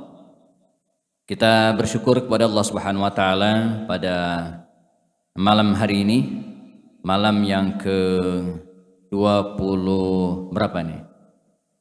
4 atau 5? malam yang ke-25 ya atau sudah ada yang 26? malam yang ke-25 ya. Kita diberikan berbagai nikmat oleh Allah Subhanahu wa taala, nikmat waktu luang, nikmat kesehatan, nikmat iman dan Islam tentu saja. Sehingga kita bisa melaksanakan sholat isya berjamaah diimami dengan suara merdu mujawad oleh guru kita Ustaz Dr. Ahmad Alim dan eh, seperti diumumkan tadi jelang pelaksanaan sholat tarawih ada kultum ya. Saya sempat bisikkan tadi saya bilang berapa menit nih jatahnya kultum Ustaz kuliah terserah antum gitu ya jadi terserah saya ya Nah, di sini tertulis khutbah 20 menit ya, tapi khutbah. Ya. Tapi kalau kultum bebas ya. Insya Allah bisa bertahan sampai jam 9 Pak ya. Baik.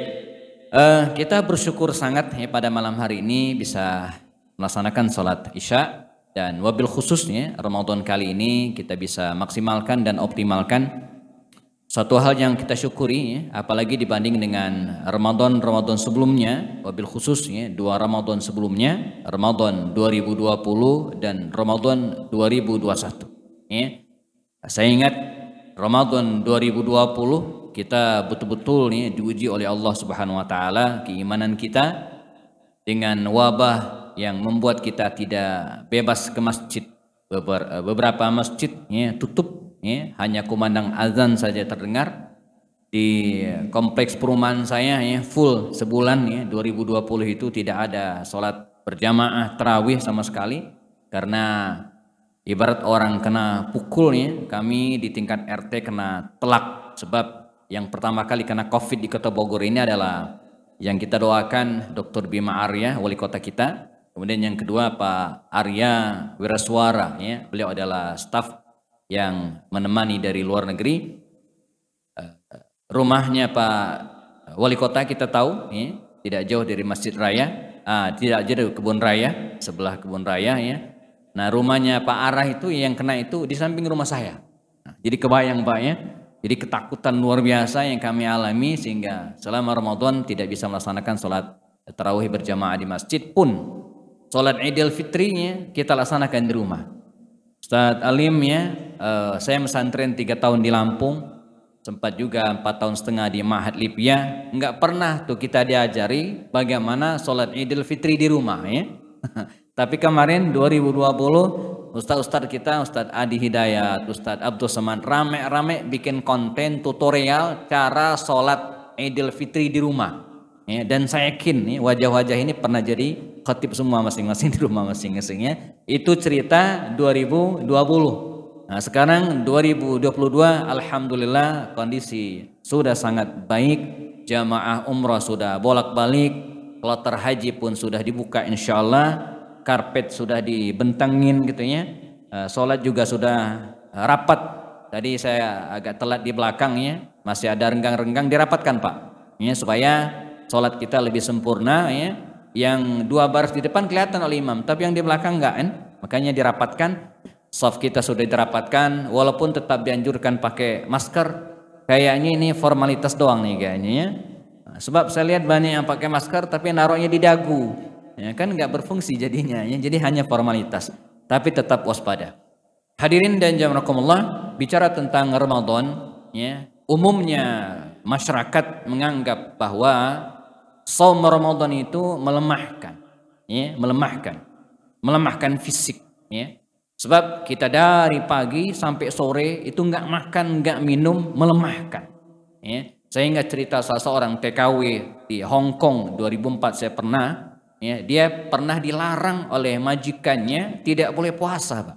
Mengapa? Karena puasa itu melemahkan. Ya, you are crazy, kamu gila ketika gitu kan, nggak makan dari pagi sampai sore, gimana mau kerja? Ya, tapi dia mengatakan tidak, saya kuat, saya sanggup, dan dia berpuasa dan tidak ada pekerjaan yang diabaikan. Akhirnya dia dibolehkan. Jadi uh, secara umum atau orang awam menganggap ya puasa ini melemahkan. Padahal tidak. Puasa itu menguatkan. Ya, paling tidak menguatkan dari tiga sisi. Nah ini karena kultum singkat jadi nggak boleh panjang-panjang ya. Dari tiga sisi. Pertama jemaah, som Ramadan ini ya menguatkan ya akidah kita. Ya, menguatkan tauhid kita, menguatkan kedekatan kita dengan Allah Subhanahu wa taala. Bagaimana tidak? Sebab saum ini ya, ketika kita berpuasa itu artinya apa? Kita melaksanakan perintah seruan Allah. Ya ayyuhalladzina amanu kutiba alaikumus kama kutiba alal ladzina min qablikum la'allakum tattaqun. Wahai orang-orang yang beriman kata Allah Subhanahu wa taala diwajibkan kepada kalian berpuasa. Diwajibkan kepada kalian berpuasa dan kita berpuasa. Sami'na wa ata'na. Kami dengar dan kami taat. Nah, jadi puasa ini bagian dari ketaatan kita kepada Allah Subhanahu wa taala dan diharapkan ke depannya ini bukan hanya puasa yang kita laksanakan, tapi ketaatan-ketaatan yang lainnya.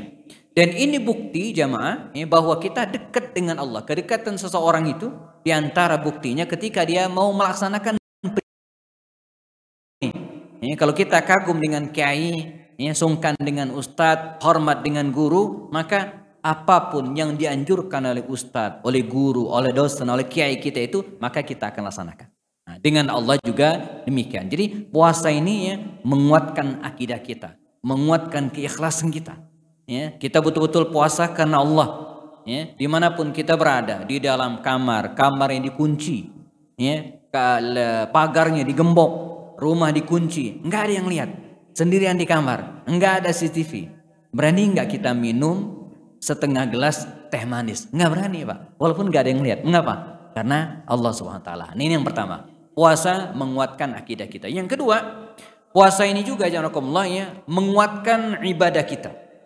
Ya, yakin kita akui atau tidak di bulan Ramadan ini insya Allah walhamdulillah ibadah kita lebih kuat. Ya di hari-hari biasa saya nggak yakin. Ya di sholat isya masjid as sofiyah ini sepenuh ini. Ya, nggak yakin. Karena saya juga beberapa kali sebelum Ramadan mengisi kajian di sini enggak sebanyak ini Ibu-ibu juga demikian di belakang. Tapi Ramadan masjid kita penuh. Ya. E, di luar Ramadan nggak yakin di antara kita ya, banyak yang khatam Al-Quran. Tapi di bulan Ramadan ini Alhamdulillah Insya Allah wajah-wajahnya kelihatan paling tidak malam ini ya sudah masuk juz yang ke-25 bacaannya gitu kan. Alhamdulillah. Artinya apa? Sudah sanggup one day one juz ya. Satu hari satu juz. Uh, di luar Ramadan ya, saya yakin infak kita, sedekah kita tidak sebanyak seperti Ramadan ini. Artinya Allah, som Ramadan ini menguatkan ibadah kita. Menguatkan sholat sunnah kita, menguatkan tilawah kita, menguatkan sedekah kita, menguatkan zikir kita, menguatkan etikaf kita. Dan ibadah-ibadah yang lainnya. Terakhir sebagai penutup, som Ramadan juga menguatkan akhlak kita. Ya, karena uh, filosofi dari puasa itu dia juga mengandung dimensi akhlak, dimensi moral. Ya. E, ketika kita berpuasa, secara tidak langsung kita melatih beberapa akhlak kita. Pertama, berpuasa itu jamaah melatih kejujuran kita. Ya, betul-betul melatih kejujuran kita. Di mana pun kita berada, ya, dilihat atau tidak dilihat oleh orang, kita tidak berani dusta bahwa saya berpuasa.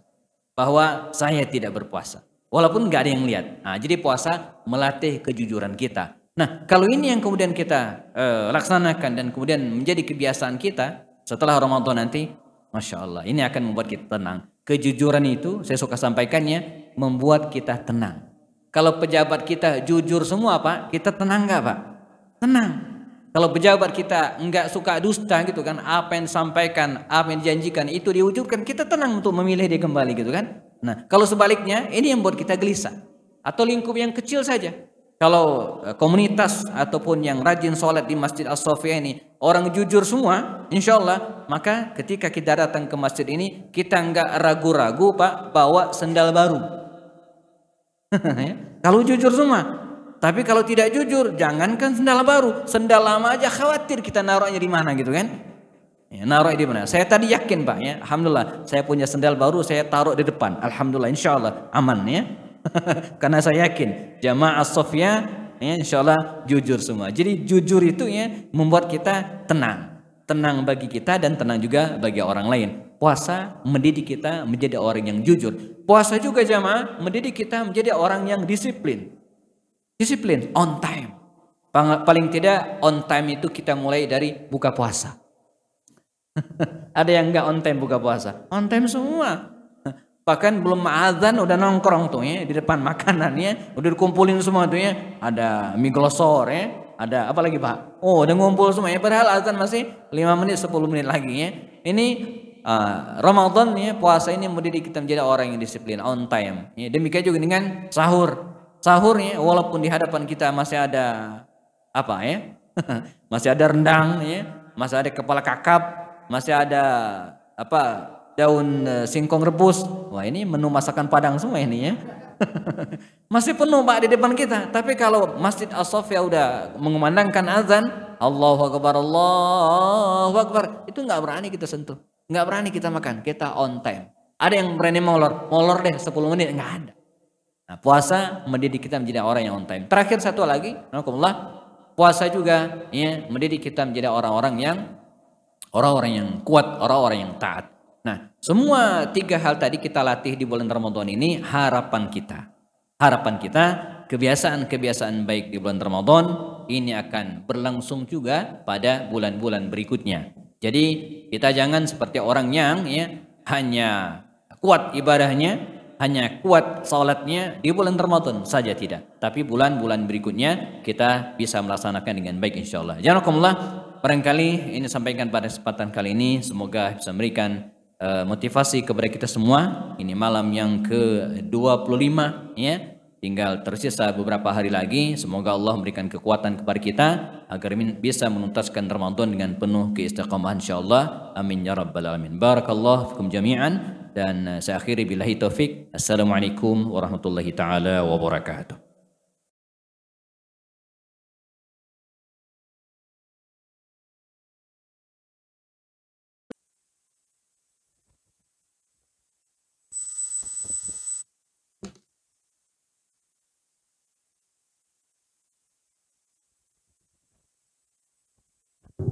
Assalamualaikum warahmatullahi wabarakatuh.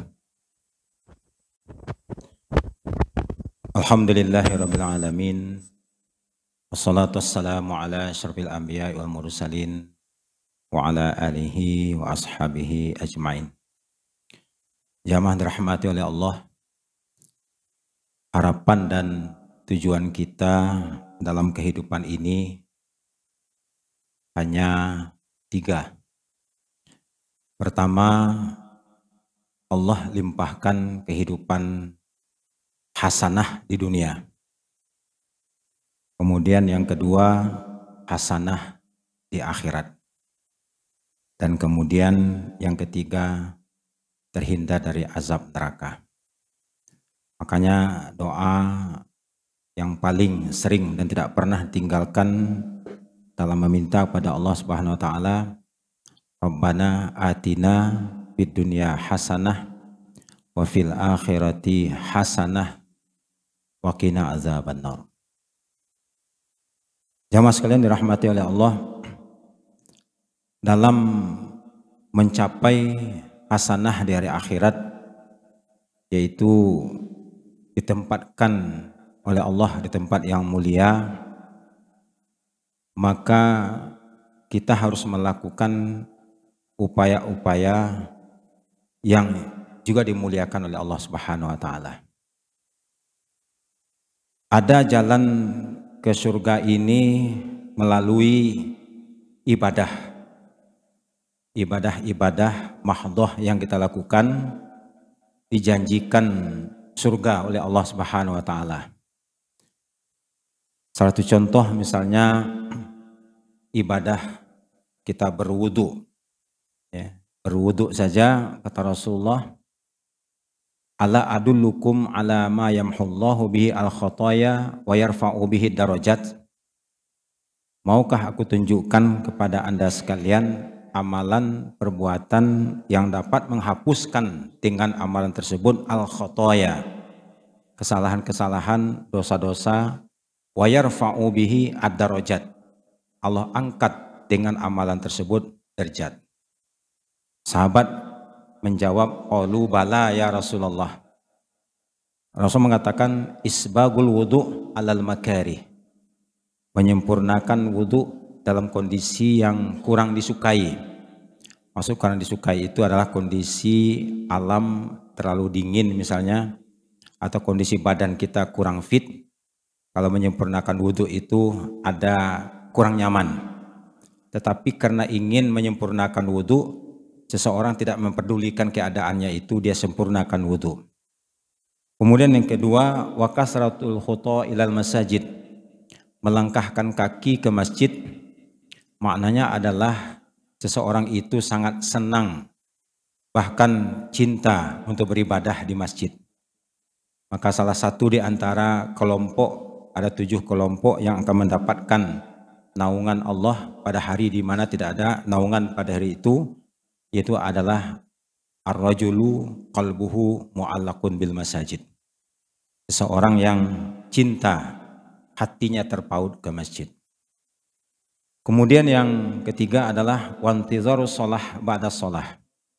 Yaitu menunggu waktu sholat, lalu kemudian untuk segera melaksanakan sholat. Artinya adalah orang-orang yang i'tikaf di masjid untuk melaksanakan ibadah sholat, maka ini adalah jalan yang akan memudahkannya ke dalam surga. Ini berkaitan dengan amalan-amalan ibadah mahdoh. Kemudian ada juga jalan menuju surga ini adalah dengan menjalin atau membangun hubungan nilai-nilai kemanusiaan. Misalnya adalah menghubungkan tali silaturahim.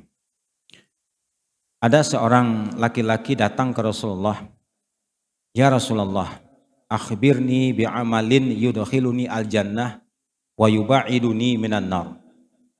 Wahai Rasul, coba engkau kabarkan kepadaku, beritakan kepadaku, informasikan kepadaku amalan yang dapat memasukkan aku ke dalam surga dan menjauhkan aku dari neraka. Faqala Nabiyyu sallallahu alaihi wasallam ta'budullah wa la tusyriku bi syai'ah Engkau sembah Allah dan jangan engkau mempersekutukan Allah dengan apa pun. Ini pun juga pernah ditanyakan oleh seseorang kepada Rasulullah, mal mujibatani ya Rasulullah. Apakah dua hal yang pasti wahai Rasul? Rasul mengatakan man mata la yusyrik billahi syai'an dakhala jannah wa man mata yusyrik bihi syai'an dakhalan nar. Kalau ada orang yang meninggal dalam keadaan tidak pernah melakukan kemusyrikan, maka pastilah hamba ini masuk surga, kata Rasulullah. Terus bagaimana dengan dosa-dosanya? Diampuni oleh Allah. Lalu kemudian ada orang yang melakukan kemusyrikan, maka pasti dia masuk neraka. Bagaimana dengan amalan-amalan baiknya? Tidak diterima oleh Allah. Jadi kalau ada orang melakukan kemusyrikan walaupun dia sering pergi haji, sering sholat lima waktu, banyak berinfak bersodakoh, semuanya itu mardut, tertolak Kenapa? Karena melakukan sebuah kezaliman yang sangat besar, yaitu adalah asyir. Inna syirka lazulmun azim. Jadi oleh karena itu, sahabat ini bertanya tentang sesuatu yang dapat memasukkannya ke dalam surga, yaitu adalah ta'budullah wala tusyriku bisyai'a. Wa tuqimus shalah wa tu'tiyaz zakah. Kemudian yang terakhir watasil al arham atau watasilur rahim. Menghubungkan tali silaturahim. Sebab rahim ini ketika diciptakan oleh Allah, dia itu tidak tenang. Ya, tidak tenang. Di aras itu, bergerak terus, nggak tenang. Lalu kemudian Allah mengatakan kepada, Hai Rahim, man wasolaka wasol tubi. Siapa yang menghubungkan engkau, aku akan berhubungan dengannya. Waman aka, siapa yang memutuskan engkau, aku pun putus hubungan dengannya. Makanya menghubungkan tali silaturahim ini adalah upaya kita untuk meraih rahmat Allah. Bahkan dalam hadis pun pernah dinyatakan oleh Rasulullah tiga perkara yang dapat meringankan hisab. Tetapi perkara ini cukup berat. Cukup berat. Tapi kalau kita memang ingin hisab kita diringankan nanti, ya kita upayakan. Yang pertama apa? Yang sangat berat itu adalah anta'fu amman zolamak. Engkau memaafkan orang yang menzalimimu. Jadi kalau kita dizalimin oleh orang, lalu orang itu meminta maaf kepada kita, kira-kira mau dimaafkan atau tidak? Datang orang kepada kita misalnya, teman kita dahulunya. E, Pak, saya mohon maaf betul. Bapak ingat nggak ketika Bapak dipecat dari pekerjaannya, dihinakan, ya, direndahkan, itu karena fitnah saya Pak. Maafkan saya ya Pak ya. Kira-kira gimana? Oh iya ya saya maafin, enggak apa-apa. Atau ketika itu ingat, peristiwa bagaimana terhinanya seseorang karena difitnah. Ya, berat memaafkan. Atau misalnya datang orang pada kita, Pak, mohon maaf, saya minta maaf sekali kepada Bapak. Bapak ingat nggak ketika beli mobil dulu? Ya hilang kan, saya yang mencurinya. Kira-kira gimana? Dimaafkan. Oh ya nggak apa-apa, saya sekarang sudah menjadi dealer mobil. Ya, bawa aja pulang. Ya, wah kalau bisa begitu ya luar biasa. Kemudian yang kedua juga adalah antu tiaman man haromak. Engkau memberi orang yang tidak mau memberi. Kalau kita sering ditraktir oleh teman, kita traktir itu biasa. Tapi mentraktir teman yang tidak pernah seumur-umur kita berteman bersahabat, wakilnya minta ampun. Ya, kemudian kita undang dia, kita traktir dia. Ya, nah itu luar biasa. Nah, kemudian yang ketiga menghubungkan tali silaturahim orang yang memutuskan Nah kalau itu bisa dilakukan itu akan meringankan hisab. Jadi memang menghubungkan tali satu rahim ini merupakan sesuatu yang sangat uh, mulia ya yang di mana akan mendapatkan balasan surga insya Allah subhanahu wa taala. Jadi ini yang berkaitan dengan uh, hablum minallah, hablum minan nas. Kemudian yang berikutnya seseorang yang menyantuni anak yatim. Jadi redaksinya uh, kata Rasulullah, ana wa kafilul yatim fil jannati kahataini. Ya wa asyara bis sababah. Sababah itu ini wal jadi tengah. Nah, jadi begini, pis ya. Dan gini kalau orang berfoto kan suka begini nih, ya. ya. Tapi ibu-ibu nggak mau dia gini. Ya, takut di nomor dua kan. Ya. Nah, kemudian uh, wa faraja bainuma jadi kemudian Rasul mengatakan anak dengan orang yang menyantuni anak yatim. Kafilul yatim itu maknanya bukan hanya sekadar musap-musap kepalanya. Ya, usap kepalanya bisikan di telinganya. Nah, Bapak kasih beasiswa sampai kamu selesai doktor. Nah, ya, dia baru SMP baru kan. Bisikan di telinganya. Yang usap kepalanya kan. Nah, sekolah kamu selama SMP, SMA, kuliah, Bapak tanggung. Senang dia itu. Itu namanya kafilul yatim. Ya, bukan hanya sekali setahun usap kepalanya kasih beras ya sembako. Ya bukan itu. Itu namanya infak sodakoh. Ya, yang namanya kafilul yatim itu adalah orang yang menyantuni apa yang dibutuhkan oleh anak yatim sampai dia itu mampu untuk menjaga dirinya ya untuk uh, memenuhi kebutuhan dirinya. Nah ini adalah berkaitan dengan uh, apa namanya uh, nas. Nah kemudian yang terakhir ya hadis yang terakhir. Uh, Rasulullah SAW Inna Allah Ta'ala yaqulu yaumal qiyamah. Ini hadis kursi namanya ya. Jadi Allah itu berkata nanti pada hari kiamat Aina al-mutahabbuna bijalali Mana orang-orang yang berkasih sayang karena aku? Al yauma azilluhum fi zilli yauma la zilla illa zilli Hari ini aku akan naungi mereka dengan naunganku pada hari di mana tidak ada yang dapat menaungi kecuali adalah naunganku. Ini adalah orang-orang yang membangun persahabatan karena Allah. Sebab di akhir zaman ini Rasul mengingatkan ada dua hal yang langka. Yang pertama adalah dirhamun halal.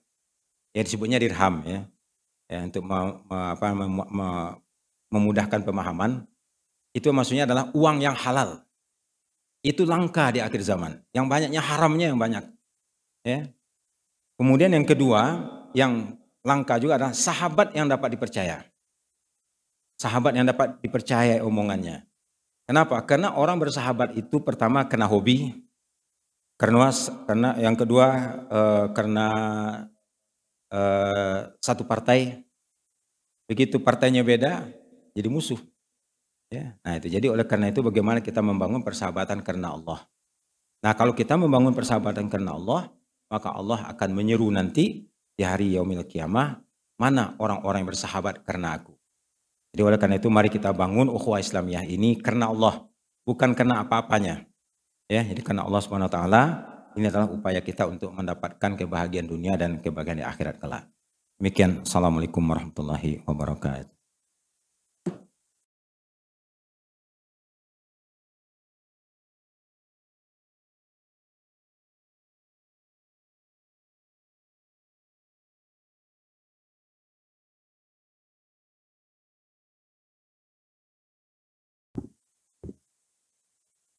Bismillahirrahmanirrahim. Assalamualaikum warahmatullahi wabarakatuh. Alhamdulillah, alhamdulillahi rabbil alamin. Wabihi nasta'inu wa ala umuri dunya waddin. Ashhadu an la ilaha illallah wahdahu la syarikalah. Wa ashhadu anna muhammadan abduhu wa rasuluh.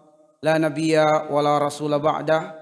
Allahumma salli ala Muhammadin wa ala alihi wa ashabihi ajma'in amma ba'du. Ma'asyiral muslimin wal muslimat azani Allah wa iyyakum ajma'in. Di malam yang berkah malam Ramadan, di tempat yang berkah rumah Allah yang merupakan semulia tempat di muka bumi. Semoga Allah Subhanahu wa taala memanjangkan umur kita dalam kebaikan dalam ketaatan. Semoga keistiqomahan kita berkumpul di rumah Allah ini mengantarkan kita semua dapat berkumpul di tempat terbaik di akhirat di dalam surga Allah Subhanahu wa taala. Ma'asyiral muslimin azani Allah wa iyyakum pada kesempatan yang sangat berbahagia ini kami mengajak diri kami dan kaum muslimin serta muslimat untuk merenungi firman Allah di dalam surat Az-Zariyat ayat yang ke-15 sampai dengan ayat yang ke-19. Bunyi ayatnya Allah Subhanahu wa taala berfirman, "Innal muttaqina fi jannati wa uyun, akhidhina ma atahum rabbuhum, innahum kanu qabla dzalika muhsinin. Kanu qalilan minal laili ma yahja'un wa bil ashar hum yastaghfirun.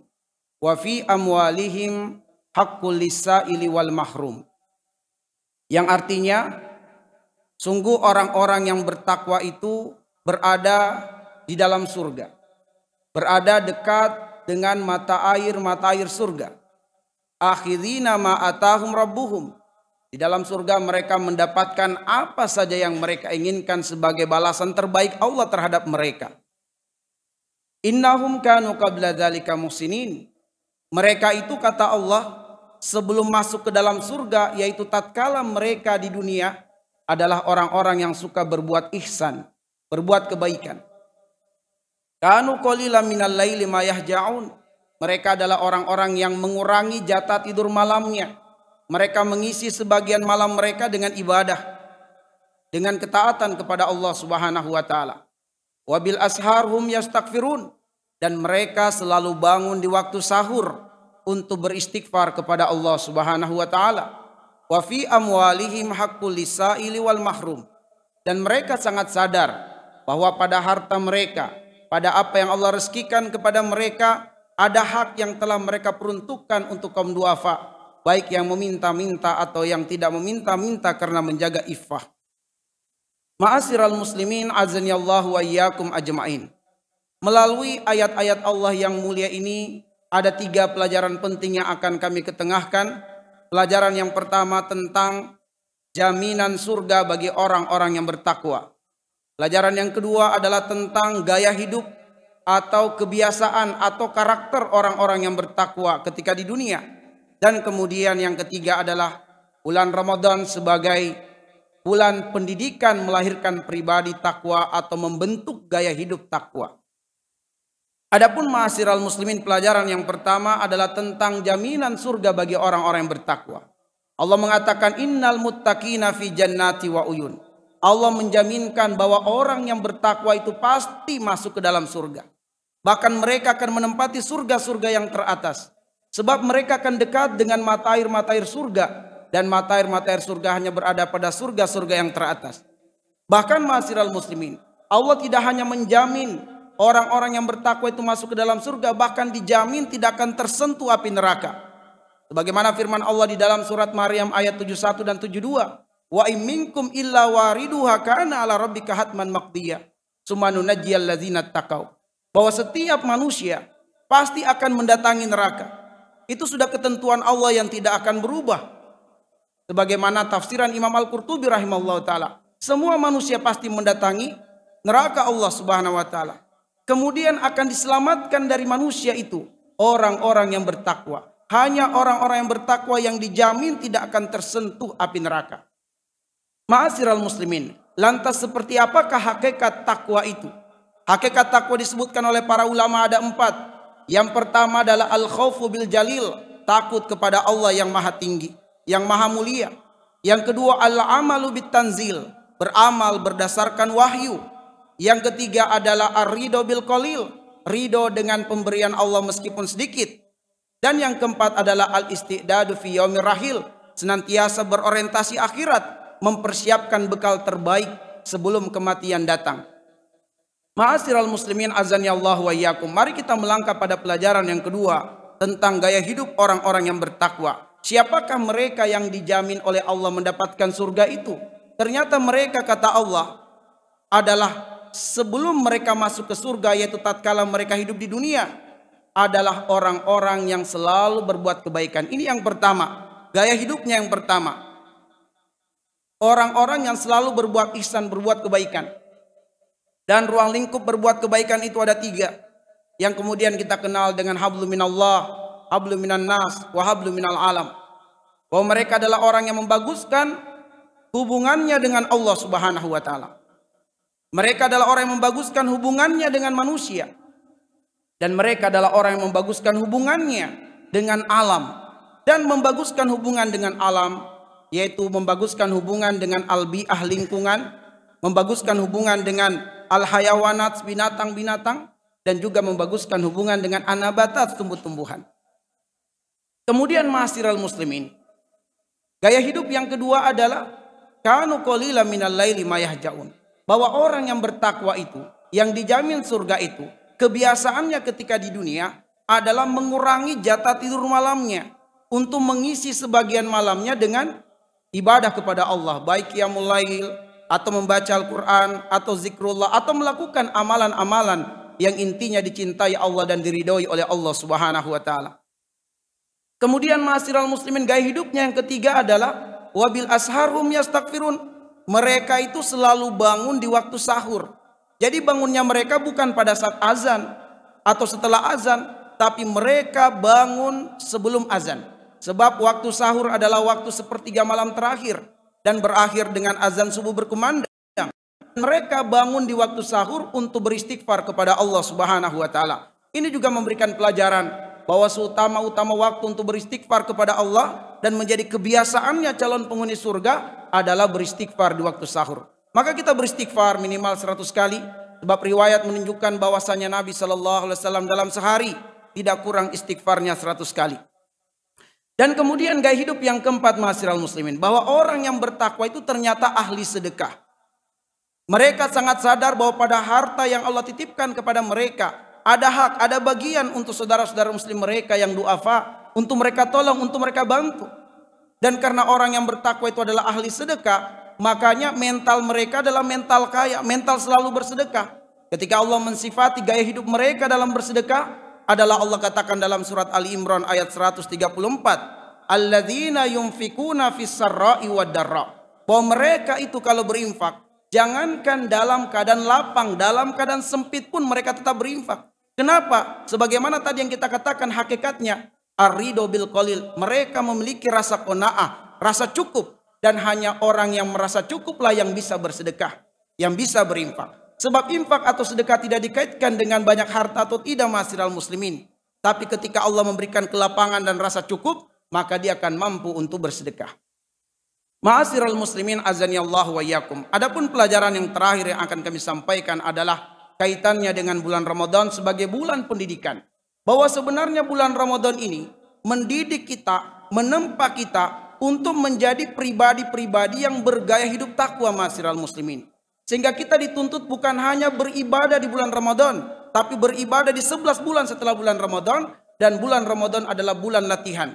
Bulan Ramadan adalah bulan di mana kita bergaya hidup takwa, dilatih dan dibiasakan dan agar supaya kebiasaan selama 29 hari atau 30 hari Ramadan berlanjut di 11 bulan ke depannya. Maka masyiral muslimin, di bulan Ramadan kita dilatih, dididik dan ditempa untuk supaya kita membaguskan hubungan dengan Allah, membaguskan hubungan dengan manusia, membaguskan hubungan dengan alam, dengan lingkungan, dengan binatang, dengan tumbuh-tumbuhan.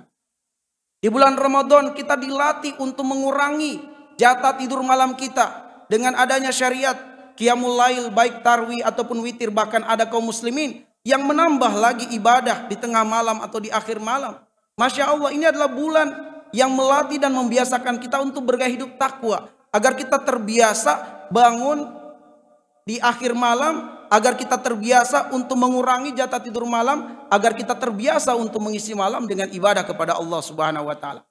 Dan bulan Ramadan masirul muslimin membiasakan kita itu untuk bangun di waktu sahur. Meskipun tujuan utama kita bangun sahur adalah untuk makan di waktu tersebut, di waktu sahur, tapi yang diinginkan oleh Allah adalah kebiasaan bangun sahur jangan hilang dengan hilangnya Ramadan.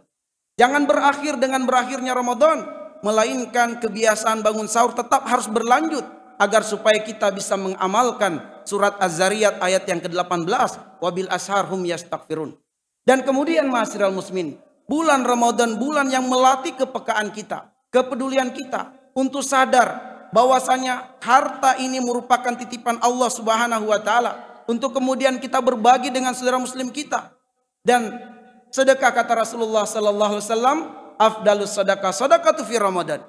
Seutama-utama sedekah itu adalah sedekah di bulan Ramadan. Maka ma'asiral muslimin azani Allah wa yakum. Kita dapati kaum muslimin di bulan Ramadan memiliki semangat antusias yang besar untuk bersedekah, memberi makan kepada orang-orang yang berpuasa, memberikan santunan kepada para duafa. Maka kebiasaan ini jangan hilang dengan berakhirnya Ramadan. Sebab kenapa ma'asiral muslimin? Sebab kita adalah hamba Allah dan bukan hamba Ramadan.